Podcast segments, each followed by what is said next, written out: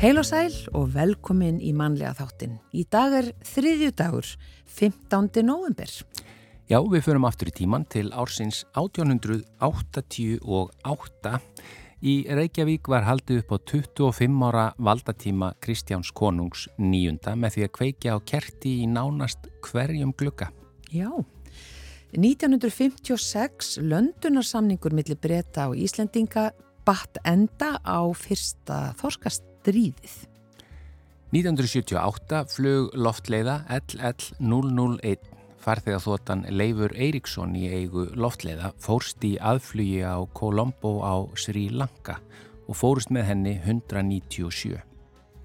Mikið yllviðri fylgdi krappri lagð sem gekk yfir Ísland á þessum degi 1985, járnplutur fugu víða og eitt elsta tré í Reykjavík brotnaði.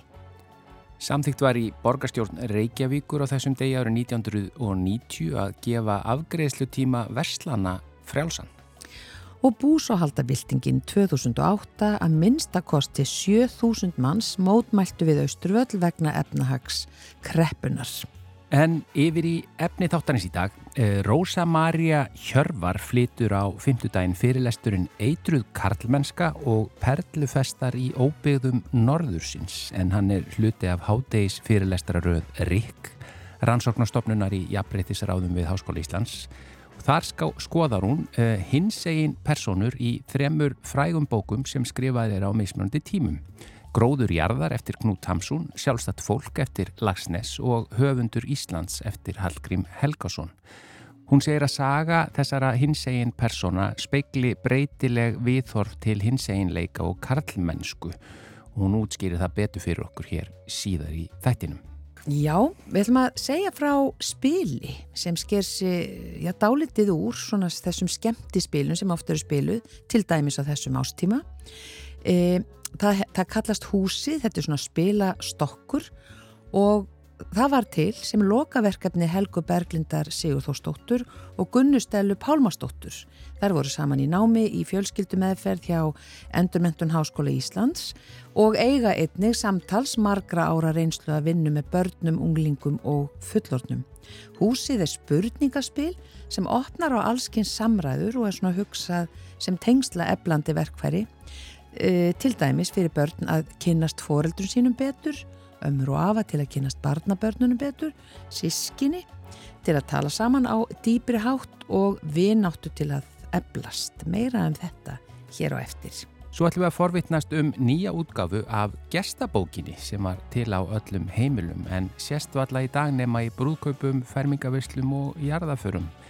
En Kristborg Bóel Steindósdóttir eh, vil einmitt endurvekja gestabóka menninguna hér á landi og blása lífi í þessa arfleifð og hún let ekki þar staðanumið því hún ákvað líka að gefa út bók sem að það sem að fólk getur haldið utan um alla draumara sína. Það er segja ekki draumara sem það dreymir á nóttinni heldur sem þau dreymir um að rætist. Eh, Kristborg ætlar að segja okkur meira frá þessu hér á eftir en við byrjum á tónlist eins og vanalega.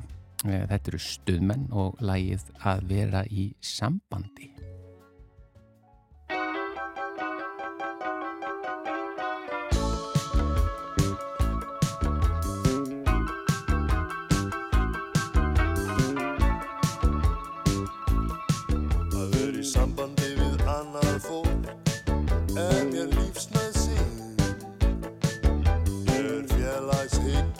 snarast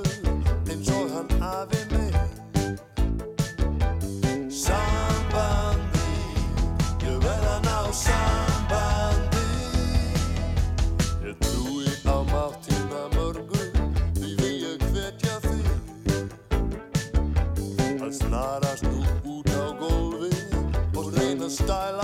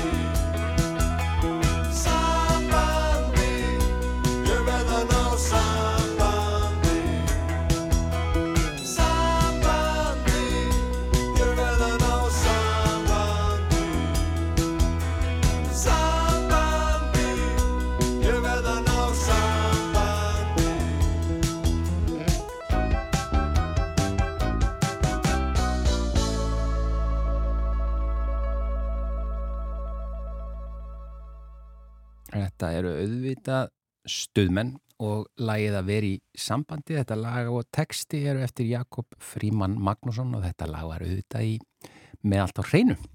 En hingað komin góður gestur, það er hún Rósa Maria Hjörvar, doktorsnemi í bókmentafræði. Velkomin í manlega þáttinn. Takk fyrir það. Það er þessi fyrirlestur sem í, í hádegis fyrirlestarröð Rik sem að vera á fymtudaginn og að, þetta er svo langur titill, ég ætla að vanda mig hérna. Eitruð kallmennska og perlufestar í óbyggðum norðursins sem þú ert að fara að flytja núna á fymtudaginn. Þetta er eh, útskýrð aðeins þennan titill og hvað þú ert að fara að tala um hana. Já, þetta var svona hugmynd sem kom til minn. Ég semst að skrifa doktorsverkefni um reyði í íslenskum nútímabókmyndum. Um reyði. Já, það Já. er mjög skemmtilegt. En um, í, því, í þeim rann, rannsóknum þá var ég að lesa semst höfund Íslands og, og sjálfstátt fólk og gróður jarðar, þessi þrjú merkilegu verk. Um, og, og það dúkaði þessi persóna upp, þessi, þessi svona hinsegin persóna Mm. sem langaði svo til að fjalla um, þessi drengur sem, sem þarna týnist í gróður jarðar og fær svo kannski uppreist æru í þarna einhverjum hluta í sjálfstæði fólki en, en, uh, og endar svo sem sigurvegari í höfundi Íslands en, en er svona aukapersona sem hefur ekki fengið mikla aðtikli og það var svo frábært að rikka með tækifæri til þess að, fá kafa aðeins onni í þetta. Þetta er sem sagt persóna sem að kemur fyrir eða að segja líkar persónur, eða ekki? Ekki sama persóna.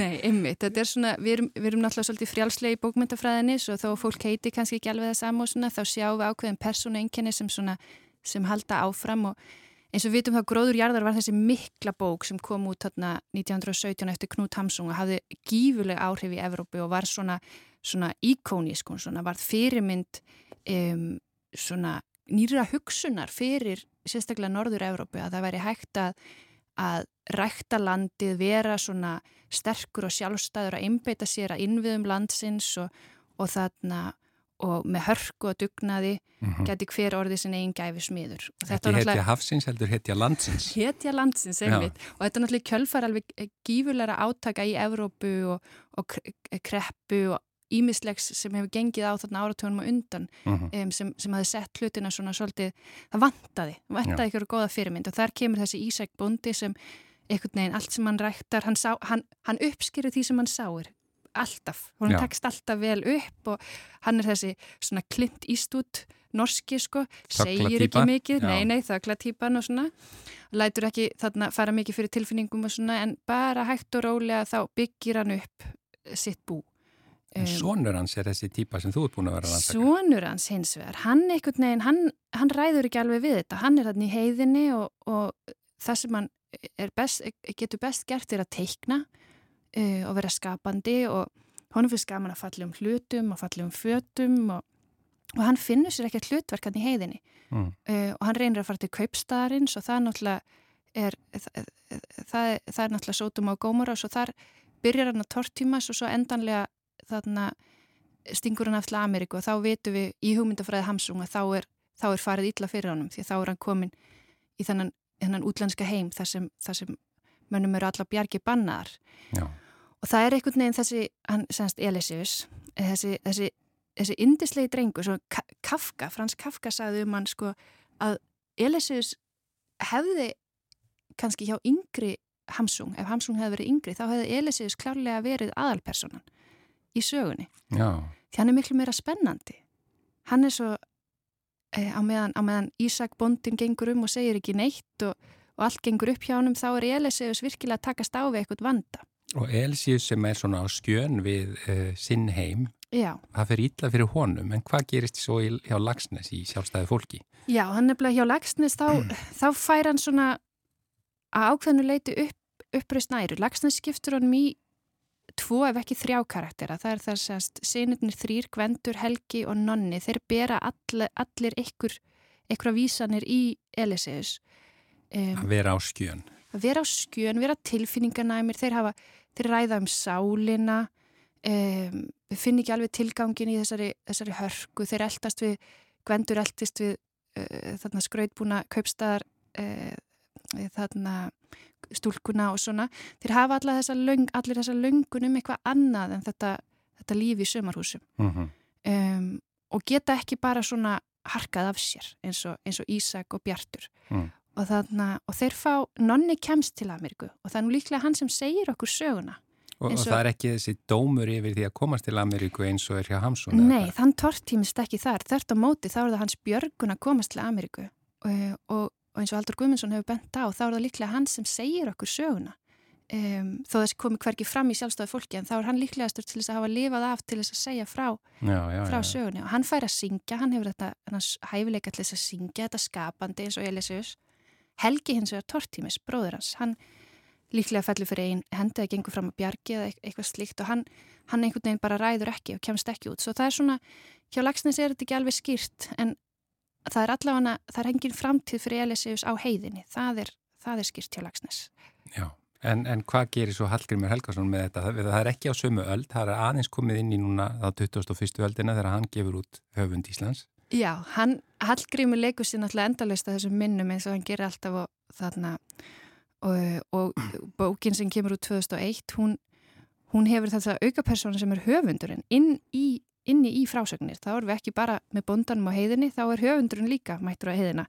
Um, og, og það flækjast bálin en þar er ungur maður sonur uh, bondans uh, þessi Elisius sem þá heitir Þórður Jú, kallar það alltaf Elisius. Já, mér er ekki svo voðalega væntum hann Elisius, ég verða þarna um, hennan, hennan indislega dreng. Um, og hann þarf að hann þarf að flýja. Mm. eins og Nonni og Elisius um, en hann, hann fer nú ekki lengra enn til færiða Já, ekki, það er ekki bandaríkin. Nei, og það er klagsvík af allum stuðum og það er uppvitað að hann er ekki bara hinsegin eins og hinnir eins og hinnum hafa verið líst þarna forrennurum hans sem hafa verið svona hinsein og skjön hann er bara samkynniður Já, það er í fyrsta skipti að, að þessir hinsegin karakterir sem þú talum sem eru á skjön já. en þarna kemur í fyrsta skipti persóna sem er í rauninni, já, hann er samkynniður sem er bara, sem finnur sér svona identitet og, og uppkvötur að hann er samkynniður og finnur sér færiskan kærasta uh, sem er hárskeri og saman flytja þeir aftur inn í söguna, þeir koma semst tilbaka frá Klagsvík. Þess að þeir áttu svolítið erfitt uppdráttar uh, og verða eins og stendur í sögunni fyrsta hommapar fjardarins, opna lítið kaffihús og uh, hársnistustofu og, og endanum eru það þeir sem ná, ná að sapna þessari, þessari brotnu fjölskyldu sem er orðin eftir lífið á heiðinni, þetta harkalega líf sem er á heiðinni, til ná að sapna brotnu fjölskylduna í kringum sig og, og skapa sérst fjölskyldu. Svo Þannig að örlög þessara uh, hinsegin utangáta uh, persóna eru gerur ólík í þessum þremmu sögum að, að þeir enda í, í, í hérna, höfundi Íslands bara sem hvað? Sigurvegar? Já, sem svona einhvers konar sigurvegari. Frá því að vera sérst tortímt hjá Hamsung e, fá að komast sleppa hjá Mhm. Lagsnes annarkvort með dauða eða með því að fara til Ameríku e, þá, þá í höfundi Íslands þá bara verða það er þeir sem ljúka sögunni, sem eiga söguna í lo lokin. Eða hann. Þetta er kannski Þórður. bara lýsandi yfir akkurat líf hinsegin fólks í gegnum þennan tíma. Þetta lýsir nefnilega mjög, þetta speiklar mjög svona viðhorf uh, til uh, og orð, orðræði rauninu um hins einn fólk í gegnum uh, þarna, þessa samliða sögu bara okkar, -hmm. menningarsögu okkar frá því að hjá Knút Hamsen, Hamsun þar sem það vera hins einn verður einhvern veginn uh, tómt blað þar sem er hægt að setja allt sem er óeðlegt á, allt sem á ekki heima hjá okkur, allt sem verður að sem, sem þarf að íta út og setja á jæðanin það er svona samþætt jæðarsetning mm -hmm. sem, sem, og allt sem við viljum ekki, það er hins einn e, frá því e, og hjá lagsnes að verða þessi, þessir erfileika sem þarf að takast á við e, og sem það er hægt að takast á við en eru líka þarna e, eru erfiðir mm -hmm. um, og gera, gera personum ekki kleift að egna sér um, örlöksín einhvern veginn þarna og svo hjá, hjá Hallgrími það sem það verður í rauninni það að þeir geta mynda þessa óheðbundnu fjölskyldu sem skilgreindir eh, samkynneðir kallmenn sem gerir það verkum að þeir hafa styrkin til þess að, að, að, þarna, að bera uppi fjölskylduna. Rosa Maria Hjörvar, takk að kella fyrir að koma og segja okkur frá þessu. Þetta að þú mynd uh, segja betur frá þessu í þessum uh, hádegisfyrirlestri sem er á 5. daginn klukkan 12 í fyrirlestrarsal Þjóðminnasaps Íslands á vegum RIK. Uh, rannsóknar stopnunar í jafnettisfræðum við Háskóli Íslands. Takk kærlega fyrir komin í manlega þátti. Takk fyrir mig.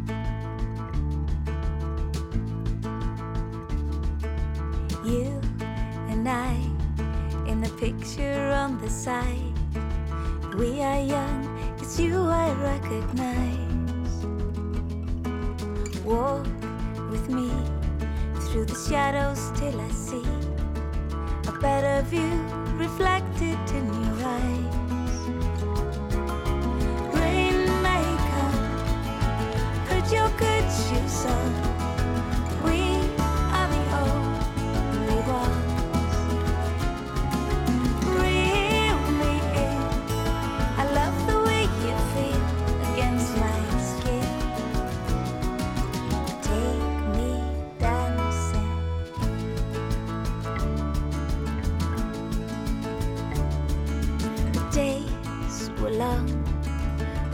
Was so full No one ever wondered, is this it? Through the years, with you I faced my fears. We are two pieces that just fit.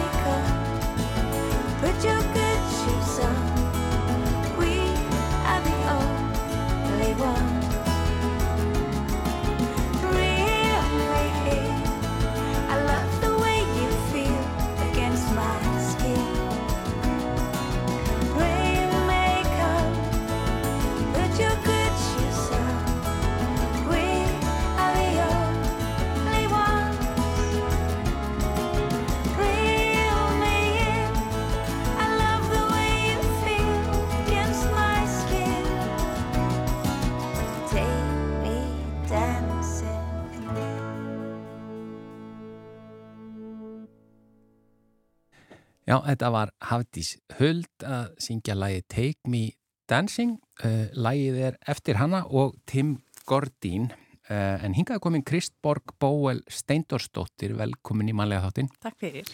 Ritthöndur og, og, og blaða uh, kona, ekki satt, og sjómvarskona, Já, já. bara með alls konar hatta. Uh, sko, það eru draumar og það er gestabók. Sko, útskýrða aðeins að því að, að þú segir að gestabókin, uh, auðvitað þekki við öll gestabók, uh, nema það einhvern veginn, er, hún er ekki jafn útbreytt í dag og hún hefur verið. Hún er eiginlega bara aðalega í jarðaförum, fermingavislum og brúköpum eða hvað. Já.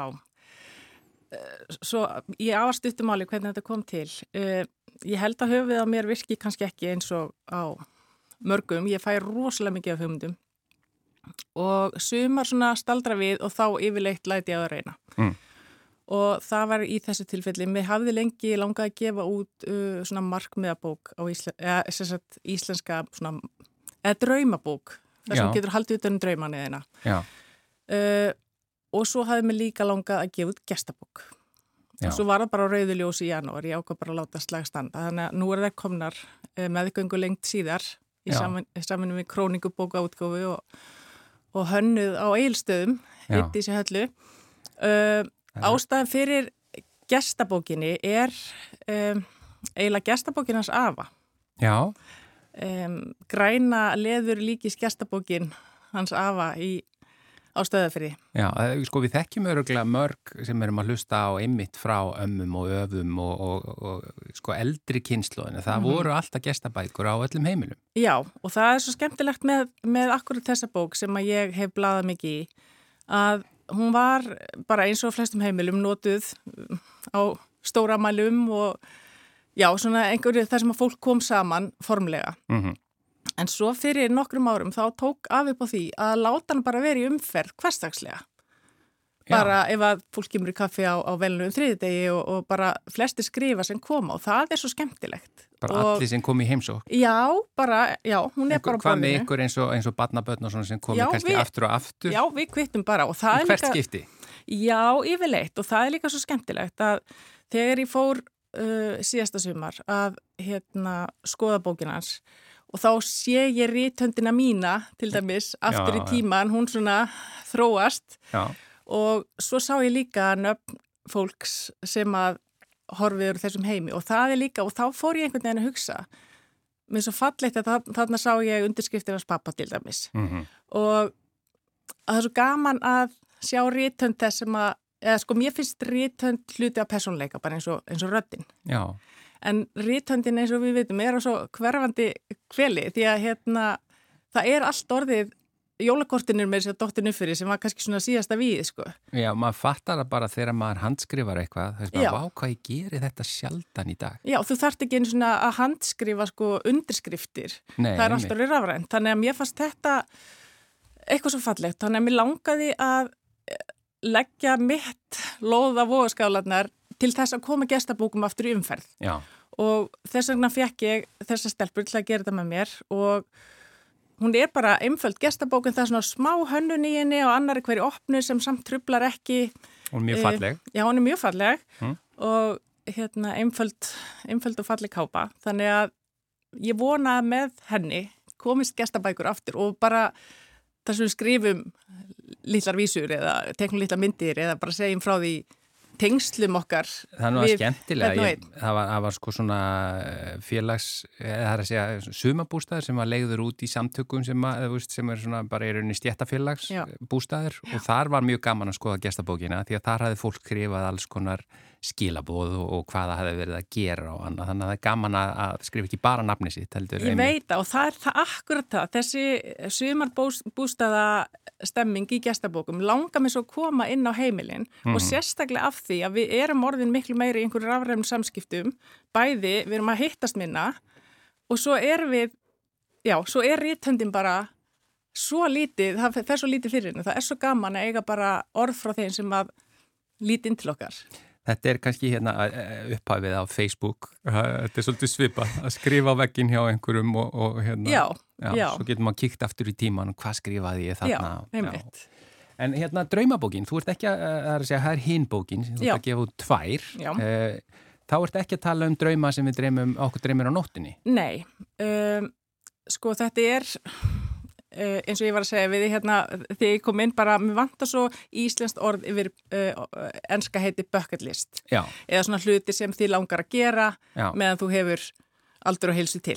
Já, það var einhver, þú sagðir áðan eitthvað, hvað markmiða skráning eða eitthvað svo liðs. Nei. Nei, ó, fannst, Það- þú notaði eitthvað orða áðan sem það- ég varst svipað. Já, það var einhver sem reyndi að því þetta sem gólulisti, að ég veit ekki, það hefur Já. bara ekkert komast á flug, en Nei. þarna í, í þessa bók uh, hvet ég fólk til að skrá bara drauma sína eða bara hvað því langar að gera, maður er með fullt af atriðum á listanum eins og til dæmis bara læra að dans, dansa salsa eða ganga á Mount Everest eða, Já. já, stórt og smátt því að hérna, við eigum alls konar drauma sem er ekki eitthvað risastóru og ógerlegir sko, eða svona, já, illgerlegir. Já, Þannig að við, við bara, ég hvet fólk til að skrá það í bókina og þetta er svona ákveðið form þar sem ég á, það er hver draumur á einu opnu og fyrir opnun er, er ég svona að spá í hvernig, af hverju mér langar þetta og af hverju ég hef ekki gert þetta fyrr og á setni opnunni er, ertu búin að gera, ertu búin að prjóna peysuna þína og bara hvernig það gekk og hvað það gaf þér og, já, fyrir og eftir,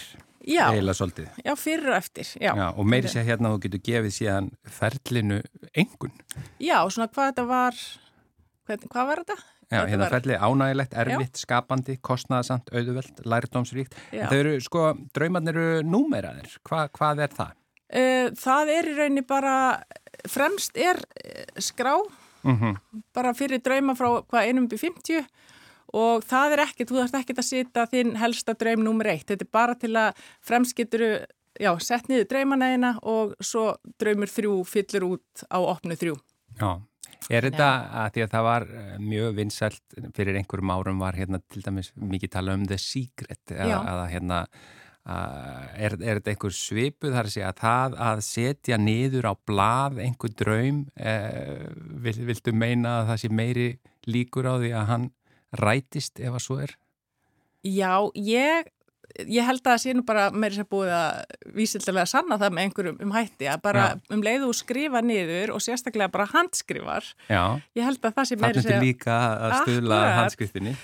En að það sé bæði að skrifa niður, þá ertu einhvern veginn að staðfestaða fyrir þér og sérstaklega líka bara hafa þetta sýnilegt fyrir þér. Þá ertu alltaf, þá er heilin að, að, meðtaka. Ég Já. trúi því.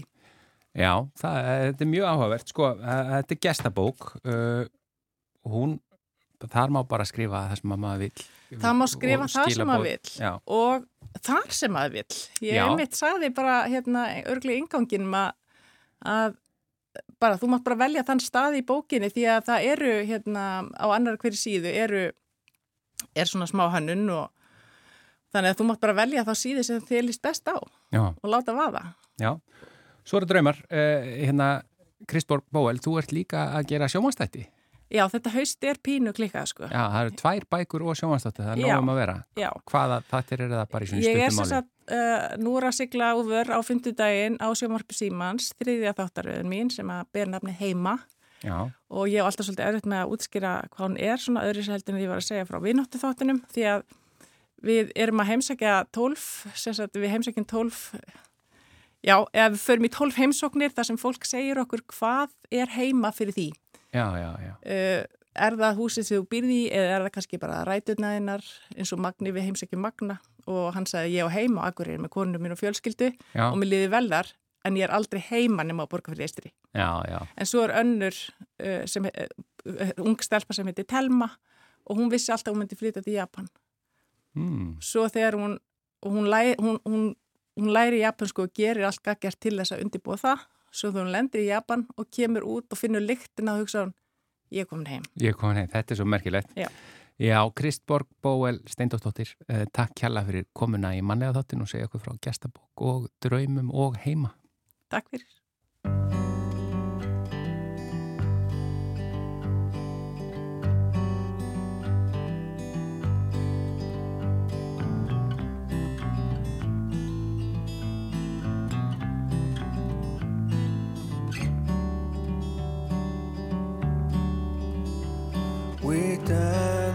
Dance before, and though I can't be sure, but I remember your sweet smell and this feeling I felt before. Take my hand and come to me. Take my hand and you will see that you've never been alone, that you always had a home in me. We were lost, but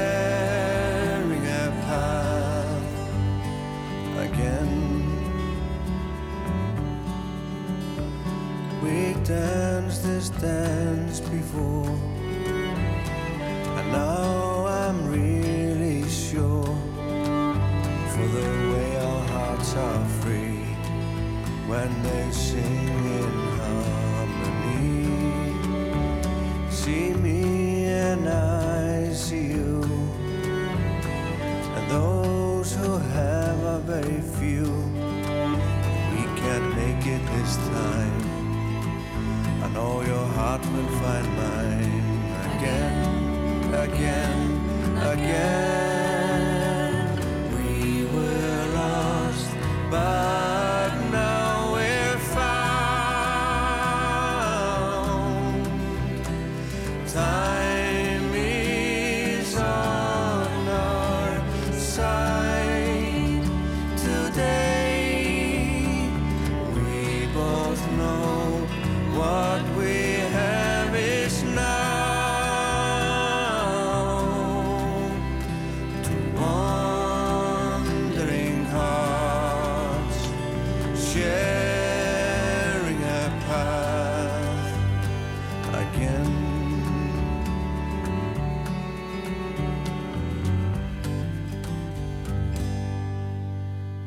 Hljómsveitin Blood Harmony og lag sem heitir Girl From Before, uh, lag og texti eftir Örn Eldjátt Kristjánsson.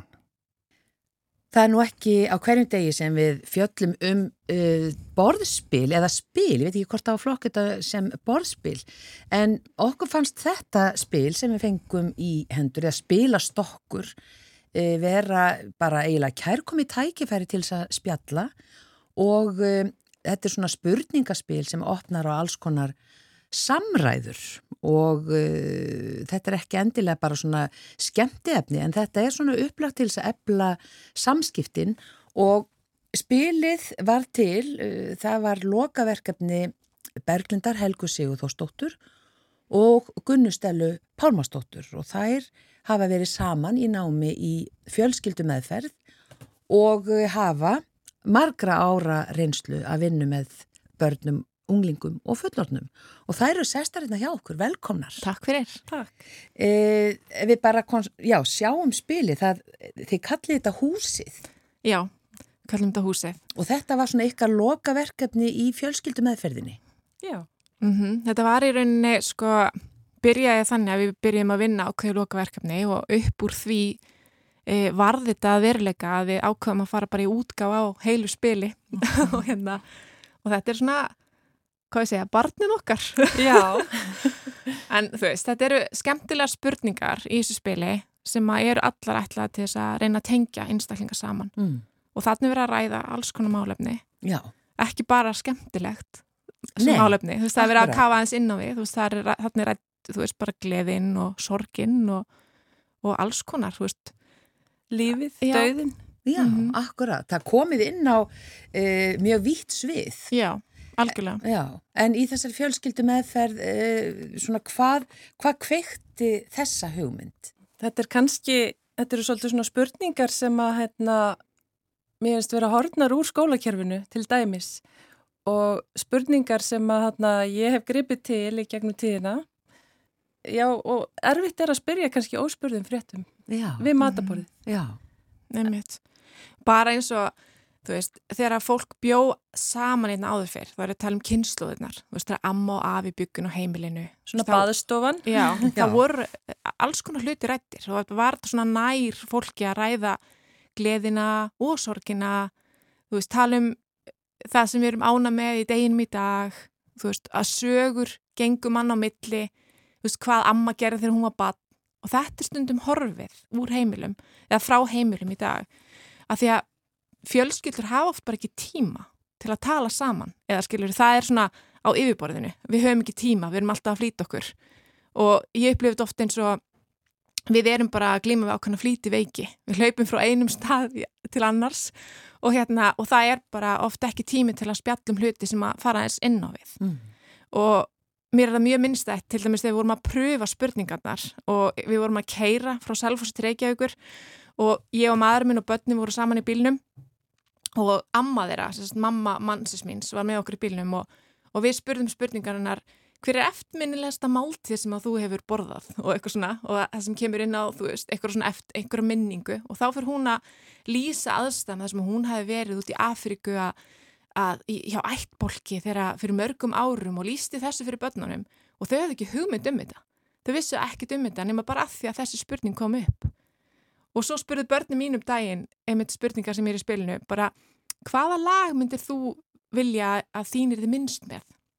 Og börnum mín alveg bara hérna, vá það er svo típist að við myndum vera með eitthvað svona Mamma Mia eða Footloose eða eitthvað. Og ættum að taka myndband af mömmu að dansa þar sem hún væri bara í hérna að dansa og getur sínt að jarðafrunnunar og allt einu var þetta bara orðið eitthvað umræfnum jarðafrunna mína og þeim fannst það bara ótrúlega fyndi og skemmtilegt skilji, en samt svona alveg hmm, umhugsunavert Já, þannig að, já, þannig að það eru þú veist, spurningar þarna. Við, við reyndum að velja þetta mjög vel. Já. Og, og það er líka búið að velja úr fullt af spurningum. Já. Fólk spyr okkur, hvernig gætu við komið upp með 107 spurningar? Já, Já, akkurat. við vorum með mun fleiri já. þannig að, já, En svo er það kannski líka eitt sem að minnst mjög mikilvægt er að, að margar af þessum spurningum taka á sásökunum og sásökinn er náttúrulega hinn hliðin á ástinni mm og hann að við gleymum því gjarnan að, að þegar við hittumst þá höldum við að megi bara tala um eitthvað sem er skemmtilegt en Mhm. það er líka svo mikilvægt að, minnast og, og minnast þess sem að við höfum í raun og veru aldrei hægt að elska, fólki sem höfum aldrei hægt að elska Akkurat. og hana, við gefum fólki rými þarna í þessu húsi til þess að gera það og það er svolítið hugmyndin af hverju er þetta hús að því þú getur farið í húsið og, og náði óþægileg málefni eða eitthvað sem er Mhm. þér mjög hjartkært en svo getur líka skilað því aftur og þarfst ekki að burðast með það já, Mhm. endalaust akkurat, Já. akkurat En uh, þetta er svolítið merkilegt sem þú segir að við þegar við erum að tala saman þá þarf það alltaf að vera eitthvað skemmtilegt. Mhm. Mhm. En, en hérna, já, af hverju, Af hverju það? já, bara gefum við ekki þá bara sorginni og sásökunum nægilegan tíma eða hvað? Já, Mhm. ég held að sé líka óttin við það að græta aðra mannesku Mhm. og þegar maður hefur mist að þá, þá vil maður allra síst missa þá sem er í kringum mann þá þegar og ef þú ert að græta eitthvað þá ertu kannski hrættum að þú sért að mynda eitthvað fjarlæð sem að er í raun og veru já, Mhm. akkurat öfugt farið. Já, og, það, Já, og þetta er mjög algengt þegar maður er til dæmis með fólki viðtölum sem maður er búið að missa einstakling, þú veist, og er að dvelja í sorginni, að það óttast þessa tilfinningu, það óttast að, að, að dvelja í sorgin og upplifa þessa sorg og reynir gjarnan að, að þú veist, að fyrir gegnum hann tíma svo jarða fyrir búin og það allt inni bara finnst öllum í kring eins og það er bara alltaf verið orðið í lægi, en það er ekkit endilega í lægi og það er alveg eðlilegt að einstaklingur þurfa aðeins að fá að ganga, oft gott að lýsa að fá að ganga í gegnum sorgina hún mun alltaf vera þarna. Þú veist, þú mynd sakna einstaklings og þú mynd sakna alls konar en á sama tíma þá getur þau dvalið við góðar minningar og mjög oft sem að fólk er að syrkja það sem ekki varð, minningar sem var ekki hægt að búa til og þá er oft gott að geta einmitt rætt hluti sem að eru fara inn á við og eru kannski svolítið, okkur kærir já, Já, og eru jafnveg stundir bara pínu erfiðir já, en samt svo mikilvægt að tala um. og sérstaklega með sínu nánustu og það er Mhm. svolítið hugmyndin að- að fara með þessi erfiðu umræðefni ekki endilega út fyrir heimili heldur koma með það aftur inn á heimili Já. Þetta er svona baðstofutal sem við ímyndum okkur að hafa verið til í gamla daga akkurat. Mhm. Og suma spurningarnar eru alveg áleitnar. Það, hérna, að því ég var nú aðeins að hérna prófa þetta svona bara á minni fjölskyldu og það er bara, þetta er aldrei erfitt eh, að svara sum. Já. Mhm. maður það virkilega að hugsa hugsa djúft. Mm Einmitt, og stundum velur fólk að svona dvelja við spurningun og að ég get bara ekki alveg svarað þessu núna og þá er gott að lesa viskukortið sem er neðst á spjaldinu. Já, það Að fylgir hérna- nefnilega viskukort þarna, hér er til dæmis ein uh, sem er svona, hvað óttast þú helst að viðurkenna í eigin fari? Einmitt. Þetta er ótrúlega erfið spurning. Og svo er þetta viskukort, það er alveg eðlilegt að finna fyrir einmannaleika í fjölminni eða í stórum hópi. Mm. Þetta, þetta er sem sagt viskukortni sem Já, fylgir. einmitt. Þannig að þetta er ekki bara 107 spurningar, heldur líka 107 Mhm, einmitt. Já, Og hérna, svo eru nokkur annir spjöld með svona ymsum öðrum gaglegum, hérna, hvað ég segja, bara, það eru hérna hugleðing einn sem að ég mitt var með fyrirlestur í gerkvöldi og alveg dró upp spjaldi bara til að lesa hugleðinguna. Það sem er svolítið verið að minna okkur á að, að við eigum að, hérna, eigum að til að, að vera að eigða líf okkar í að þetta peninga. Svo viljum við nota peningana til að fá heilsun okkar aftur og svo allt innu bara allir við áttu okkur á því einn daginn að við erum ekki búin að lifa líf okkar og hérna, þannig að það eru svona, ímsu, þetta er svona gullkort sem okkur eru dýrmætt sem við viljum setja inn í þetta spil já, og sem að við teljum að skipti máli í nútíma samfélagi já. og svolítið hluti sem við erum aðeins búin að gleyma og hérna, Akkurat. Og þessi flýti sjúkdómar, þetta var dálítið gott orð sem þú nefndir Mm, þarna. Þannig að það er akkurat það sem hrjáir okkur í dag. Mhm. Að við erum alltaf að flýta okkur frá einum stað til annars já, og býða eftir Mhm. einhverju alltaf. Já, alltaf að býða og alltaf að flytja okkur. Og svo oft er það bara þannig að þegar það gerist eitthvað stórt í lífi fólks kannski missir einhvern eða veikist alvarlega, þá allt í enn fyrir fólk að endur að endur hugsa og átt að segja ábyrtu hvað er ég búin að að gera og hvað ert er ég að fara og hvert er ég að stefna? Og okkar draumur er sá að fólk kannski aðeins fara að staldra við núna áður en að þessi hlutir endilega gerast. Og fara að tala um hluti sem skipta máli tengjast fólkinu sínu og einmitt í lokaverkefninu þá vísum við svolítið í bók sem heitir Hold on to your kids. Það sem hefur verið svona að vísa í það að það skiptir svo miklu máli fyrir börn og ungmenn í dag að vera tengd foreldrum sínum.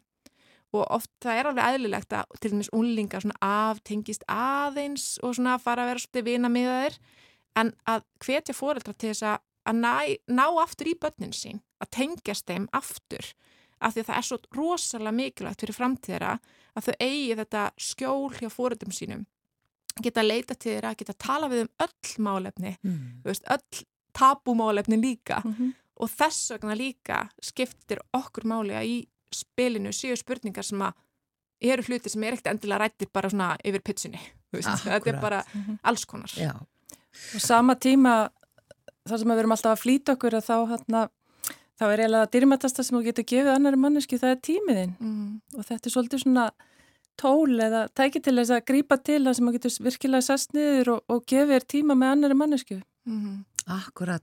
Aðeins kannski bara uh, út af þessari fjölskyldu meðferð og þeir eru vanar að vinna með já, börnum og unglingum og, mm, og fullornum, þannig, mm hérna, hvernig er maður fullorn, er ekki bara átján pluss? Heila þroskinn 25 nei. Já, akkurat. En hérna, svona, hvað eru þið að upplifa í svona ykkar eh, samtölum við fjölskyldur? Er það þetta sem þú ert búin að vera að nefna núna, þetta tímaleysi? Eða er það eitthvað annað sem svona mm, þið hafi áhyggjur af? Mm.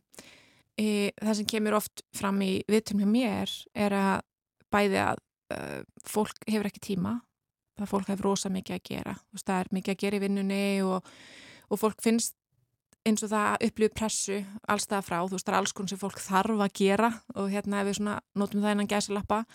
En það er líka það að fólk er rosalega mikið að aftengjast það er hérna, fólk kemur kannski heim úr vinnunni börnum koma heim úr skólanum það er bara allir í sínu hotni þú veist það er allir í sínu snjalltæki fólk er jafnvel ekki að borða kvöldmatt saman fólk er jafnvel hérna, borðar kvöldmattin yfir sjómarpinu átt að segja ekki endilega á því að það sé hvað það er að borða eða hvernig bræðið er að matnum og er þar alveg ekki að eiga samtöl og samræður og allt þetta. Þannig að ég upplifi sífælt meira að sérstaklega þegar ég er með úlinga í viðtölum að það er rosalega mikil snjalltækja nótkun.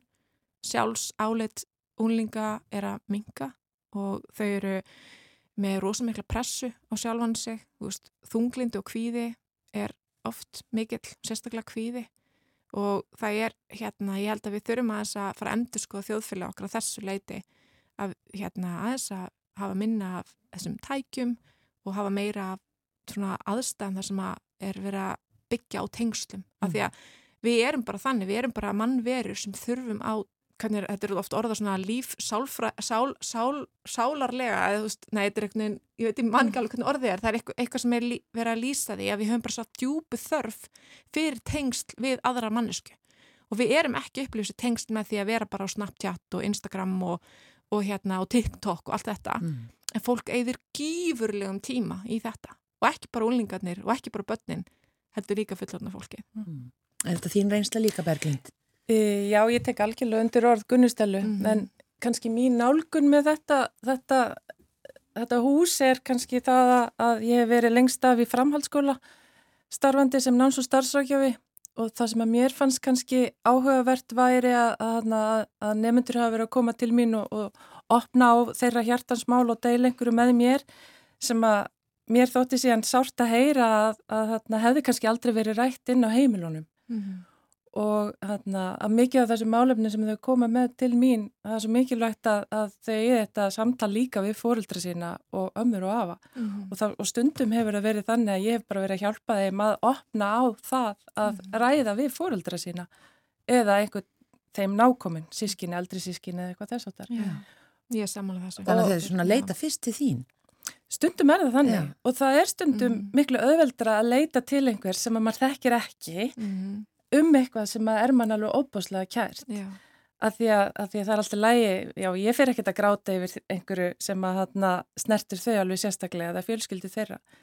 Og það er kannski líka það sem að þetta spil opnar á eða þessar spurningar opna á að það er allt þetta óþægilega líka sem við höfum farið í gegnum sem fullandar manneskjur en situr samt ennþá í okkur. Þannig að við tökum líka svolítið, fyrir líka svolítið inn á skömmina og svona helsta, hver er mesta lígi sem þú sagðir sem bann og ég er búin að vera að leika mér að sapna sögum til dæmis af, af hana, þeim sem já, hafa eiga svona sannar lígasögur í pókahotninu og ég heyrði frá einni í gær sem er hana, á 60 aldri og hún sagði já, ég, þetta er sko ljóslifandi fyrir mér þessi lígasaga sem að hana, ég á og ég hef ekki aldrei sagt manninu mínum þetta en hún delti því með mér. Og þegar hún var, hann fekk þessa spurningu þá var hún að rifja upp þessa, þessa hann, litlu legasögu. Þar sem að, hann, já, ég veit ekki hvort ég meginu sinni deila því. Já, hún er nafnlaus. hún er nafnlaus. En það var til dæmis bara hana, það var til dæmis bara það að hún var hana, bara 12 ára gömul og var að leiðinu norður í rútu og, og það var svo mikið af, af skemmtilegum og, og hana, merkilegum krakkum í kringum hana og svo allt innu beintist sjóni barnana af henni og, og, og spurðu en þú, hvað hefur þú að segja? Og þá bara allt í hennu tók hún upp og því að ljúa því að, að, að það hefur brotist inn heima hjá henni í kjallarannu. Svo fyrir hún norður og þetta fréttist söður og hann svo var hún náttúrulega bara tekin í gegn og, og hann þegar hún kom aftur í bæinn og bara hún, hún hann vissi ekkert hvað hann stóð þessi veðrið veist, og, og þetta bara er hún búin að vera að burðast með með sér þessa, þessa skömm Já. sem að fylgir þessari sa- saklausu er í raun og verið líf og, og af hverju grípum maður til líginar í, og í þessu tilviki myndi ég segja að það væri sennilóta því að hún vildi tengjast krökkunum Já, Mhm. vildi segja frá einhverju krassandi? vildi Já. segja frá einhverju krassandi Mm. og við, við deilum því öll Og mér finnst það svo merkilegt líka þegar maður prófar þetta á ýmsum hópum og hérna við náttúrulega gerðum það með þetta spil en þegar að vera að ræðsa þú veist og hvað óttastu mest eða hvaða lígi hefur þú sagt þú veist þessa hluti sem fara svolítið svona inn á við sem maður er ekkert að tala um bara svona dagstælega að ganni sínu þá verður svona ekstra mikil tenging mm -hmm. þú veist að því að hérna ég elska þessa setningu sko að það segir þú getur heitla fólk með hæfileikum þínum en þú tengist þeim í gegnum veikleika þína og það er oft þetta þegar maður einhvern veginn svona talar um þessa hluti þá upplifum maður tengingu. Og ég man svo eftir að við vorum einu svona að prófa þetta á svona ungmennahópi. Þú veist, við erum að tala um bara svona 18 plus bara ung, ung, ung fullornir og einn fekk þessa spurningu þar sem að var spurður, þú veist, hvað er það sem þú hvað er svona mesti ótti sem þú eru upplifað? Og þá fyrir hann að deila því að þegar að besti vinnur hans fekk hérna COVID þá var hann svona ofsalega hrættur um að missa hann. Já. Og að því að hann áttaði sig á því hvað þessi vinnur hans var hann um dýrmætur að þetta var hans trúnaðar vinnur Mm. og hann bara fór að ímynda sig bara hvað myndi gerast ef ég hefði ekki hann vinn og hérna, og allt innum er upplifið maður bara svona mikla hlustun í hópnum og, og þessi vinur var þarna og hann bara svona, vá, veist, ég vissi þetta ekki bara, og þetta var eitthvað svo fallegt moment, Já. þú veist, að því að það var verið að fara inn á svona þennan sársöka Já. og en á sama tíma þetta þakklæti að það varð ekki, að Mm. það varð allt í lægi en þetta var þetta tímabil sem enginn mátti hittast og Já, ef maður var veikur allt þetta Allir voru og hrættir. allir voru hrættir Mm. en á sama tíma þá sat þessi sársöki enn til staðar en á sama tíma var þessi sársöki að einhverju þar sem hann átti að segja því bara vá þessi vinur minn skiptir mig gífurlega miklu máli Mhm. og er miklu gjöfin í líf mitt Já. Þannig að þetta var eitthvað svo fallegt Já. Mhm. En kæra þakkir, kæra þakkir fyrir að koma Mhm. í mannlega þáttin Berglind Helga Sigurþórsdóttir og Gunnar Stella Pálmasdóttir og það er þetta, þessi spilastokkur húsið sem var til uh, í lok bara ykkar náms í fjölskyldu meðferð. Þetta Já. var svona ykkar lokaverkefni. Mhm. Já, takk fyrir að taka mót okkur. Kæra þakkir fyrir fyrir. komuna. Ready, set, go man go.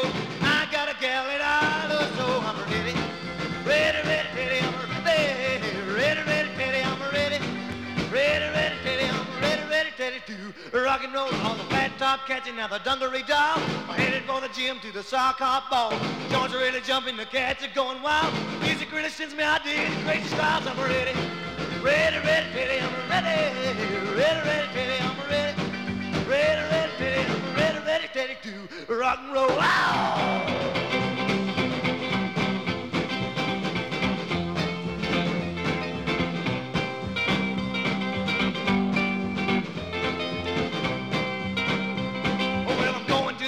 To the corner, pick my sweetie pie. She's a rock and roll baby, she's the apple of my eye. I'm ready.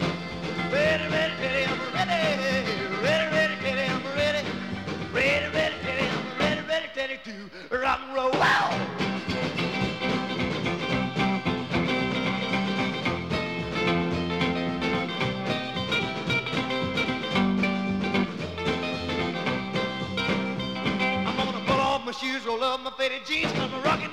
Coming on the scene.